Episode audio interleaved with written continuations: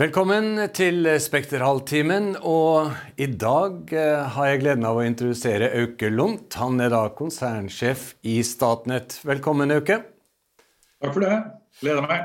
Ja, flott. Eh, når jeg er inne og leser på hjemmesiden til Statnett, veldig informativ hjemmeside for øvrig, så står det at fremtiden er elektrisk. Hva betyr det?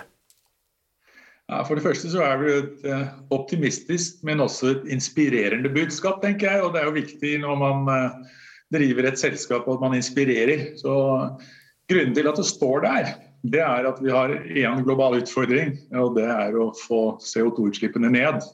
Mm. Og så ser vi at vi har en løsning, eh, og det er å elektrifisere forbruket vårt ved hjelp av grønn kraft.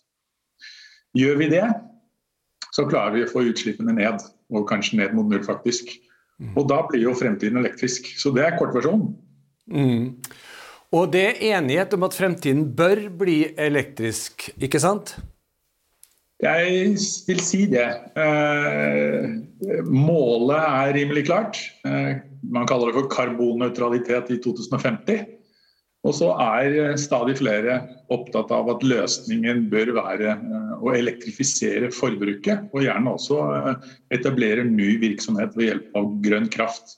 Og Gjør vi det i et tilstrekkelig tempo, så klarer vi å få drive ned utslippene. Mm.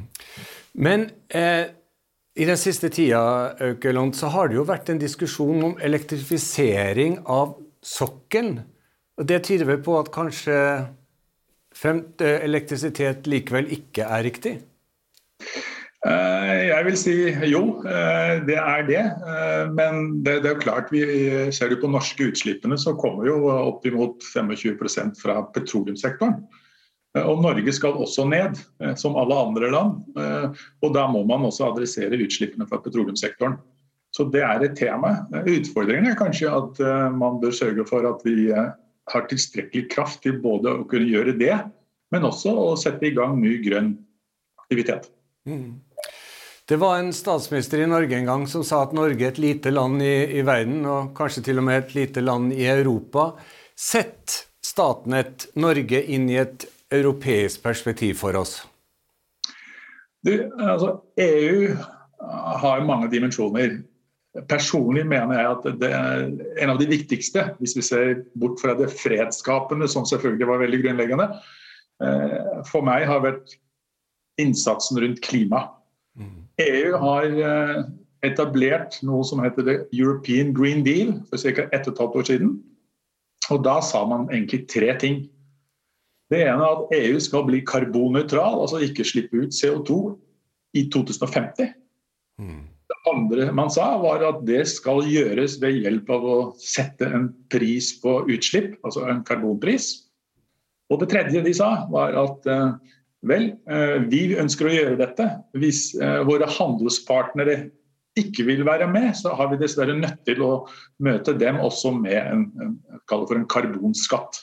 Mm. Og de tre tingene til sammen er for meg helt avgjørende eh, for det som skjer nå internasjonalt. Man har observert en betydelig dynamikk rundt eh, klimaspørsmålet. USA har meldt seg på, Kina har meldt seg på. Og nå ser man konturene av en, en, en sterk bevegelse mot neste klimatoppmøte i Glasgow. Så EU har vært helt instrumentell i det som skjer nå på, på klimafronten. Norge er knyttet gjennom EØS-avtalen til EU. Eh, og da er jo alt, eller bortimot alt som skjer i EU svært viktig eh, for Norge. Her har vi en, en handelsrelasjon som eh, kommer til å bli preget av disse klimamålsettingene som EU har satt seg. Og vi deltar også faktisk i selve målet rundt CO2-reduksjoner. Så dette er helt avgjørende for, for Norge i årene framover. To, to, oppfølgingsspørsmål. Du, det første er kanskje unødvendig. Du sier klart at EU sitter i førersetet. Det er det du sier, i globalt? Åpenbart. EU eh, e har eh, bestemt seg for å, å, å, kjøre dette som sitt store, nye prosjekt. Sånn, sånn leser jeg det. Eh, og gjennom at man tar i bruk, kall det for handelspolitiske virkemidler, når man sier at import av eh, varer som ikke har blitt møtt med en CO2-avgift, selv om de blir produsert ved hjelp av CO2, de skal møtes med en CO2-avgift når de kommer til EU. Når de sier det, så, så, så er det jo på en måte en, en, en, start på en helt ny dynamikk. Man, man kan ikke fortsette å, å kjøre et sololøp innenfor eh, klimasatsingen. Eh, da vil jo industrien i EU flytte ut, hvis EU alene legger på, pålegger seg sin industri eh, CO2-avgifter eh, og la importen gå fri. Så, så faller jo på en måte industrien sammen. Mm. Har sagt at de er villige til å ta si, handelspolitiske virkemidler i bruk for klimapolitikkens skyld. Så er det noe fundamentalt som har skjedd. Mm. Men det er jo Altså, Er det enighet om dette i EU? Altså, vi, jeg tenker umiddelbart på Polen og kull. Det må vel være en, fortsatt en viss diskusjon, eller er den lagt død? Jeg opplever at uh, det er en stor grad av enighet. Og en, en, viktig del av denne European Green Deal det er også at man har sagt at, at transformasjon, energitransformasjon den skal være just and fair. Den skal være rimelig og, og rimelig fordelt mellom landene. Så man har jo koblet opp en, en, en utjevningsmekanisme mellom landene for å støtte de landene som blir rammet ekstra hardt når man nå kjører mye hardere på eh, CO2-utslippene. Mm. Og Det gjør at land som Polen, eh, som er en stor utslipper, eh, er villig til å være med på dette. Ja, Og så har vel Auke, dette har vel noe med covid-19 å gjøre òg, eller tar jeg feil? Du har helt rett. Den store akseleratoren rundt denne European Green Deal er nå faktisk denne recovery packagen som, som EU har skrudd sammen i kjølvannet av covid. Og Der ser man at det er et stort behov for å Eh, akkurat som man har gjort i Norge, å sørge for at næringslivet faktisk overlever. Har satt i gang en storstilt utvikling av en hjelpepakke. Og sagt at en stor del av denne pakken skal faktisk gå inn i såkalte grønne investeringer. Og Det blir da en katalysator for uh, alt vi snakker om nå. Mm. Bare for å plukke opp tråden der du var i sted, eh, for sammenhengens skyld. Sier du at vi også av hensyn til eh, klima, til kraftproduksjon, til ren energi, at vi også det er et argument for ikke å tukle med EØS-avtalen? Jeg eh, er av den oppfatning at EØS-avtalen er svært sentral for Norges forhold eh, til EU. Det er, lager en, en, ramme for vår aktivitet, økonomisk aktivitet. Og det som skjer nå rundt, rundt klima, gjør det vel enda viktigere. Mm. Det har vært noen oppslag i media i det siste om kablene fra Norge til eh, England og kontinentet. Eh, kanskje fornuftig prosjekt, det?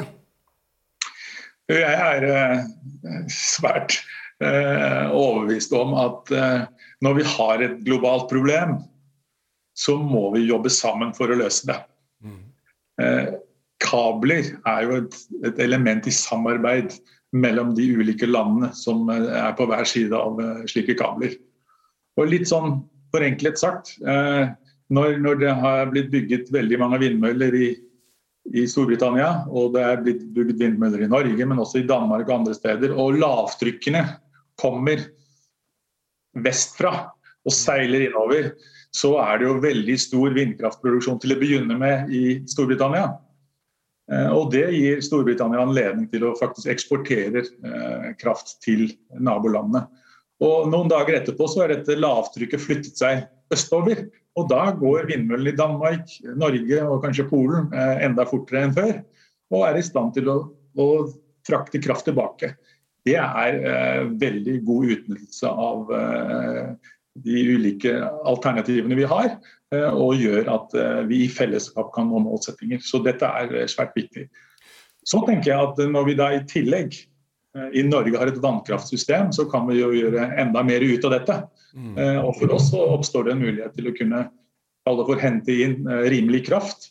Og på basis av det faktisk også satse på å utvikle en grønn industri, f.eks. Mm. altså, med andre ord så er jo dette en vinn-vinn-situasjon. fordi at i motsetning til, til vind så er jo, er jo vannkraft ganske stabilt. Riktig. Eh, og, Norge er jo i en unik posisjon. Eh, vi har vannkraftsystemet som gjør at vi, eh, selv om det ikke blåser verken her eller der, har god anledning til å, å produsere kraft. Og så har vi et utgangspunkt som er også veldig viktig å ta med seg.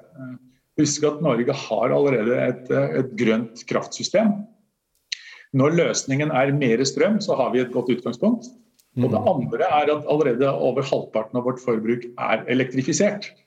Så eh, det er jo ikke et land som er i nærheten av den posisjonen Norge har. Så vi har et, et fantastisk utgangspunkt til å fortsette med eh, grønn virksomhet og til og med øke den.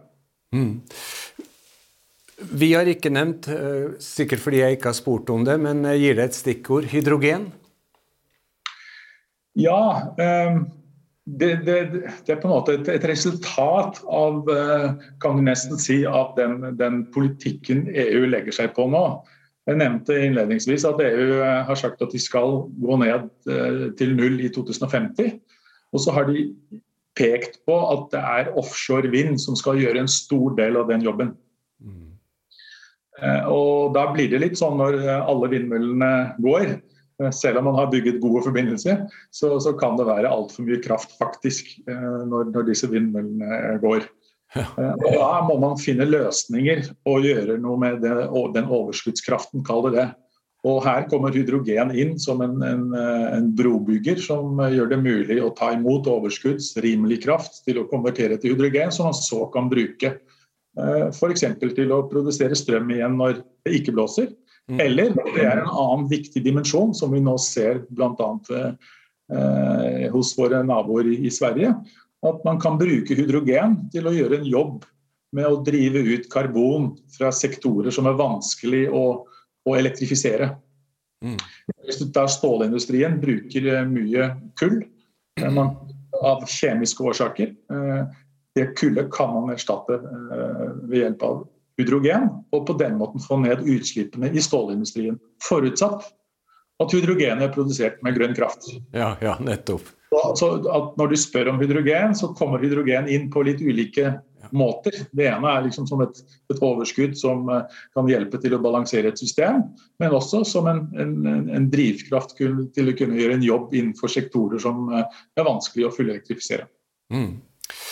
Alt er jo politikk, eh, men er det, er det mulig å si at det fortsatt er mulig å ha en nasjonal energi- og klimapolitikk? Skjønner du hvor jeg vil hen? Eller er vi nå så integrert at vi er bundet fast? Jeg ser det som at uh, dette er en, en, global utfordring. Vi bør ha en global energipolitikk.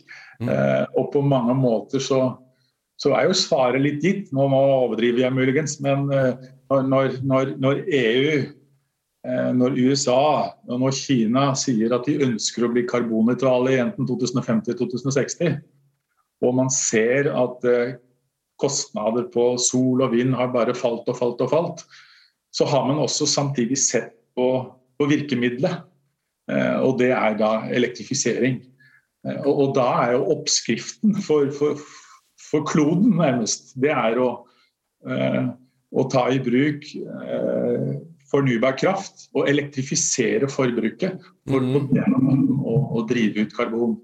Og Da blir det jo nesten en, en global energipolitikk. hvis jeg, Nå er på et veldig veldig aggregert nivå, men når, når virkemidlet er rimelig omforent, når, når, når, når, målet er rimelig omforent og, og virkemidlene er, er, er, rimelig vel forstått og enighet om, så, ja. så blir politikken eh, deretter. Nettopp. nettopp. Det som sikkert noen spør seg om, og i alle fall forbrukere, men også definitivt eh, virksomhetsledere, bedriftsledere, går vi pga. dette intensiverte samarbeidet inn i en periode hvor det er mulig å si at strømprisene vil bli mer oversiktlige enn tilfellet i dag, eller er ikke det mulig? Jeg tror nok at vi må regne med at det vil være betydelige svingninger eh, i eh, strømprisene. Fordi eh, været er nå engang sånn det er. Mm. Og så er det jo sånn at ulike land har litt ulike forutsetninger. På sikt vil nok dette bli kanskje utjevnet mer, men jeg, tror nok at vi må regne med at det vil være betydelige svingninger også i tiden framover. Og, og, det gjør jo at, at, strøm alltid vil være et hot topic. da. Mm. Definitivt. Det ser vi jo også i den norske politiske debatten, uten at vi skal begynne å snakke om eh, valgkampen, Auke. Men jeg må få spørre, deg. du har vært altså toppsjef nå i Statnett siden 2008. Eh, kan jeg først få spørre deg, hvordan har pandemien som nå har eh, ridd oss og resten av verden i over et år, faktisk, eh, hvordan har den påvirket lederrollen? Jeg syns den har blitt veldig mye vanskeligere. Um, å ikke ha den uh, direkte personlige kontakten. Uh, det, den lille oppmuntringen eller uh, det lille signalet man, man trenger for å, å, justere seg eller å, å, gjøre en enda bedre jobb, mm. har gjort at jobben som toppleder mener jeg har iallfall for min del blitt vanskeligere. og så er det jo klart, det er jo en en risiko knyttet til selve, til selve, viruset, som eh, kan påvirke våre ansatte. Eh, det kan påvirke forsyningssikkerheten for strøm. Det er jo folk som eh, er ansvarlig for å sørge for at systemet fungerer til enhver tid. Så vi har hatt stor oppmerksomhet på hvordan kan vi beskytte våre ansatte for dette viruset, slik at ikke vi ikke kommer i en situasjon hvor vi ikke klarer å levere strømmen. Mm. jeg vil si at det det har vært en, en stor utfordring. Mm. Og ikke minst en strategisk utfordring også, i den urolige verden vi lever i. Absolutt. Ja. Ja.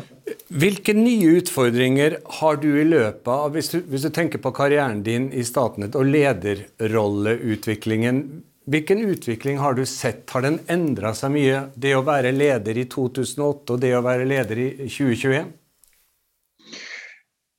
Ja, jeg vil, jeg vil, nok si det at uh, kanskje interaksjon, hvis vi ser bort fra covid, da. Ja, ja, interaksjon. Med, med, med, ansatte og, og, forståelsen for at man er i samme båt, at alle bidrar og alle må faktisk ta, ta, ta sin del av, av ansvaret. At det, den forståelsen har vokst, ikke bare hos oss, men, men mange andre steder. At du kan gjøre en, en jobb alene, det, det er ikke mulig i dag. Eh, mm. Vi er eh, helt avhengig av hverandre. Så, så jeg opplever at, at for samarbeid har blitt et, eh, et, et viktigere ord. Både internt i en bedrift. altså Tidligere snakket man om siloer, ja. hvor hver sin divisjon hvor det skjedde et eller annet. Og så leverte man stafettpinnen over til, til andre. Det funker ikke. Eh, tilsvarende, hvis du ser på, på nettvirksomheten eh, Statnett er jo et, et, sentralnett, men vi har jo et underliggende nett og vi har jo et internasjonalt nett.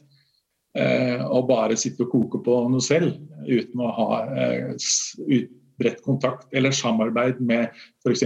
distribusjonsselskapene, det funker ikke. Mm.